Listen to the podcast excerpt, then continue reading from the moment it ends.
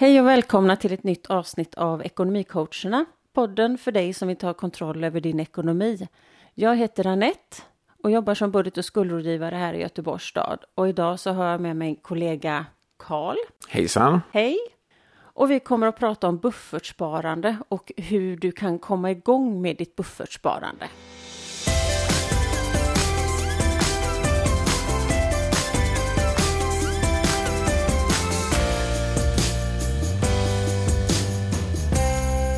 Idag så ska vi prata om att spara pengar, att spara ihop pengar till en buffert om man inte har det sedan tidigare. Och med pengar sparade till oförutsedda utgifter så påstår vi att vardagen blir mycket lättare. Om till exempel din mobiltelefon går sönder så är det riktigt trist och tråkigt och kanske även dyrt. Men du kan snart ha en fungerande mobil igen eftersom du redan har sparat ihop pengar och kan betala till reparationen. Ja, men vi påstår ju att man ska ha ett buffertsparande. Men Karl, vad, vad, vad, kan man egentligen, vad är ett buffertsparande?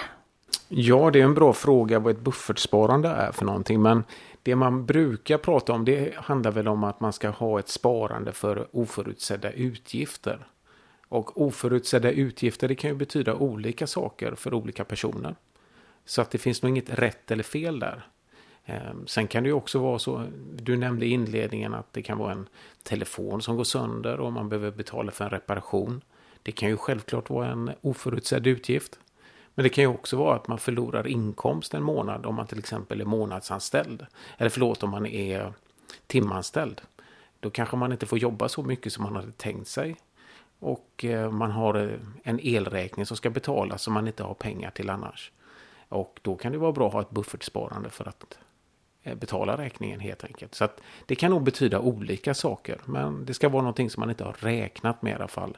Och det ska, tycker jag, vara ett konto som är där man sparar då som ska vara låst så mycket som möjligt. Det vill säga det är inte pengar som du ska i första hand plocka av för att du kommer på någon fräck sak som du vill köpa till exempel. Utan det är pengar som, där du i alla fall har en avsikt att det ska vara att man inte ska röra de pengarna helt enkelt. Mm.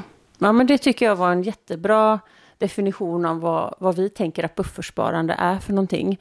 Det ska vara den där eh, trygga pengapotten som du kan ta till när du verkligen behöver det. Precis. Ja. Men om man nu är på gång och ska ta tag i sitt buffertsparande eller göra omtag kring eh, sitt buffertsparande för att man ska ha kontroll helt enkelt på ekonomin och sådär.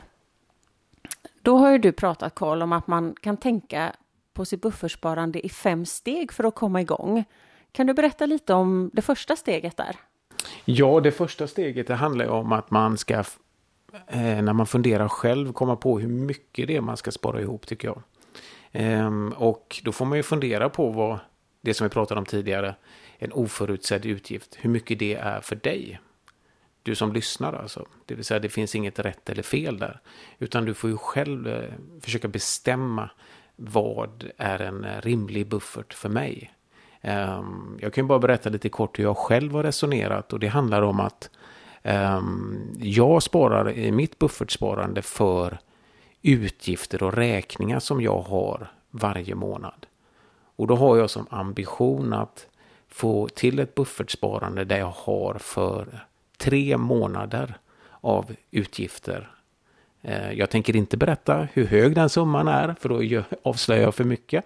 Men eh, det är en slant i alla fall, va? men den är inte ouppnåelig. Och det tycker jag också är viktigt att när man sätter ett sparmål som vi pratar om här så ska det inte vara eh, för högt från början. För att då tror jag att det är väldigt, väldigt, väldigt tråkigt att fortsätta med det här sparandet och verkligen gneta som det ibland kan vara då. Ehm, så att det är bättre att sätta ett, ett lite mindre sparmål från början. Ehm, och sen så bygga på det istället när man har uppnått detta. Va? När man har lite självförtroende och man är lite stolt över sig själv. Då tror jag det är bra att titta, eh, se över ett nytt sparmål i så fall. Ja, men det tycker jag låter jättebra. Att bestämma vilka oförutsedda utgifter är det eh, som jag har och sen så hur mycket kostar de så att säga.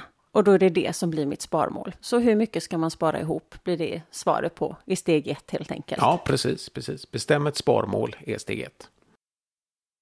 Men då har man då skrivit ner då hur mycket man eh, ska, eh, eller man har bestämt sig för hur mycket man ska spara ihop, hur mycket man behöver i en buffert. Vad tycker du att nästa steg är, Karl? Ja, ett bra nästa steg, steg två då, kan vara att man kartlägger sin ekonomi. Och då tittar man helt enkelt eh, och gör en sammanställning. En, eh, man skriver ner helt enkelt sina inkomster och utgifter. Det som vi brukar prata om som budget. Så att det behöver man liksom ta reda på då. Eh, tycker jag, när man kartlägger sin ekonomi till att börja med. Sen för att komplettera den bilden så skulle jag vilja göra, tipsa om att man kanske kan se också hur man använder sina pengar i månaden. Det vill säga att man går in på sin internetbank och ser där man har använt sina kort. Ehm, det syns ju väldigt tydligt där liksom vilka köp man har gjort helt enkelt. Allting för att man ska få en så komplett bild över sin ekonomi som möjligt. Så då har vi helt enkelt i steg nummer ett, hur mycket ska du spara ihop? Då har man svaret på det, för det har man jobbat igenom. Och sen så har man i steg två kartlagt sin ekonomi. Och sen i steg, i steg tre, vad skulle du vilja säga att man kan göra där? Jo, men då tycker jag att man ska mm, helt enkelt försöka att ehm, analysera det resultatet man fick när man eh, gjorde steg två, det vill säga kartlade ekonomin.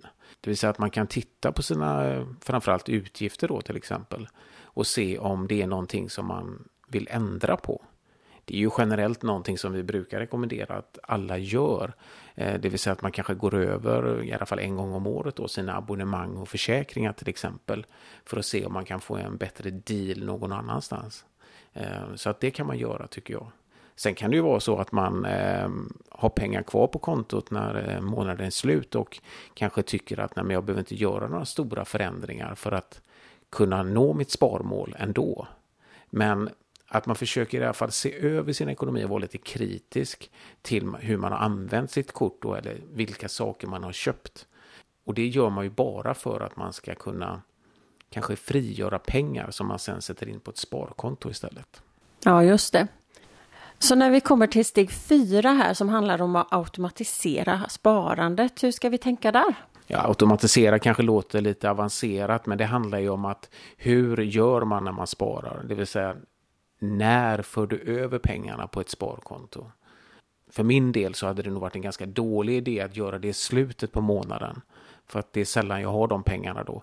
Eh, utan det är bättre att göra det kanske i, i samband med att du gör dina räkningar och får in din lön helt enkelt att du direkt för över det. Och det finns ju tekniska möjligheter att få göra ett automatiskt eh, överföring till ett sparkonto. Det kan man göra, men det handlar ju om när man gör det, skulle jag vilja säga. Och det bästa är som sagt, tror jag, för de allra flesta att göra det i samband med att man får sin lön helt enkelt. Precis, det är svårare att på något sätt spara om man ska vänta och se hur mycket det blir kvar till i slutet på månaden, eller hur? Exakt. Ja, men vad bra. Som ett fjärde steg är helt enkelt att se till att sparandet blir gjort i början på månaden så smidigt som möjligt. Ja, det blir mycket smidigare. Så nu har vi ett steg kvar som är utvärdera efter två månader har vi kallat det. Vad kan vi berätta om det? Ja, men det är ju jättebra att man eh, kanske bestämmer en tid då. Eh, man sätter en påminnelse i telefonen att eh, om två månader så ska jag utvärdera det här sparandet. Har det fungerat för mig? Finns det möjlighet för mig att spara mer pengar? Eller ska jag spara mindre pengar? Det vill säga att där liksom har man ju testat sin modell, sin plan. Och så får man göra en utvärdering hur bra den har fungerat för en själv. För det kan ju vara så att man inte riktigt har följt planen till 100% för man har upptäckt att ja, jag satte nog upp ett lite kanske för stort sparmål. Jag var lite för aggressiv när jag bestämde att jag skulle spara ihop den här bufferten på väldigt kort tid. Ehm, och då blir det ju sällan hållbart för att då går man och flyttar tillbaka pengar från buffertsparandet till då det här kontot man använder när man drar sitt kort i butiken. Och eh, då kanske det är bättre att justera ner, tycker jag, den summan som man ska betala varje månad istället. Då tar det lite längre tid, ja visst, men det blir hållbart i längden i alla fall.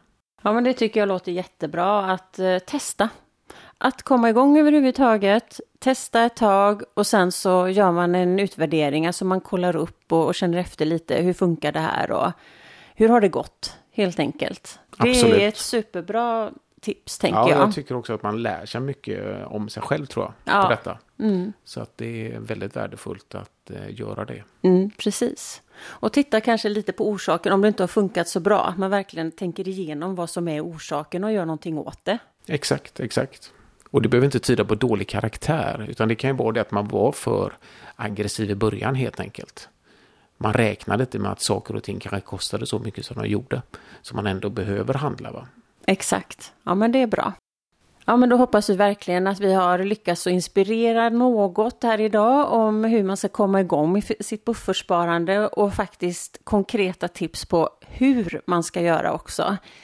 Och det har vi berättat om i fem steg. Så nu önskar vi alla lycka till med det verkligen. Eh, men är det någonting som du tänker på Karl så här innan vi rundar av dagens avsnitt? Ja, det är väl att komma igång med sitt sparande. Det vill säga vänta inte för länge utan försök att komma igång. Även om det inte är så mycket pengar som du känner att du vill eller kan spara så är det i alla fall viktigare att ha ett litet sparande än ingenting alls. Va? Så det viktigaste är att eh, komma igång och du behöver inte ha någon jättegenomtänkt plan heller. Utan en ambition bara liksom att du vill spara pengar. Det, det räcker ganska långt helt enkelt. Och så kan du ta det steg för steg det här. Det tycker jag låter jättebra. Så då är vi nöjda med det för idag. Tack så jättemycket. Vi som har spelat in dagens avsnitt är Annette och Karl på Budget och skuldrådgivningen i Göteborgs stad. Budget och skuldrådgivning är någonting som finns eller ska finnas i varje kommun. Så om man inte bor i Göteborg men gärna vill ha budget och skuldrådgivning så hör man av sig till sin hemkommun helt enkelt. Men bor man i Göteborg så kan man nå oss på 031 368 08 00 eller ringa via kontaktcenter i Göteborgs stad. Tack och hej för oss idag.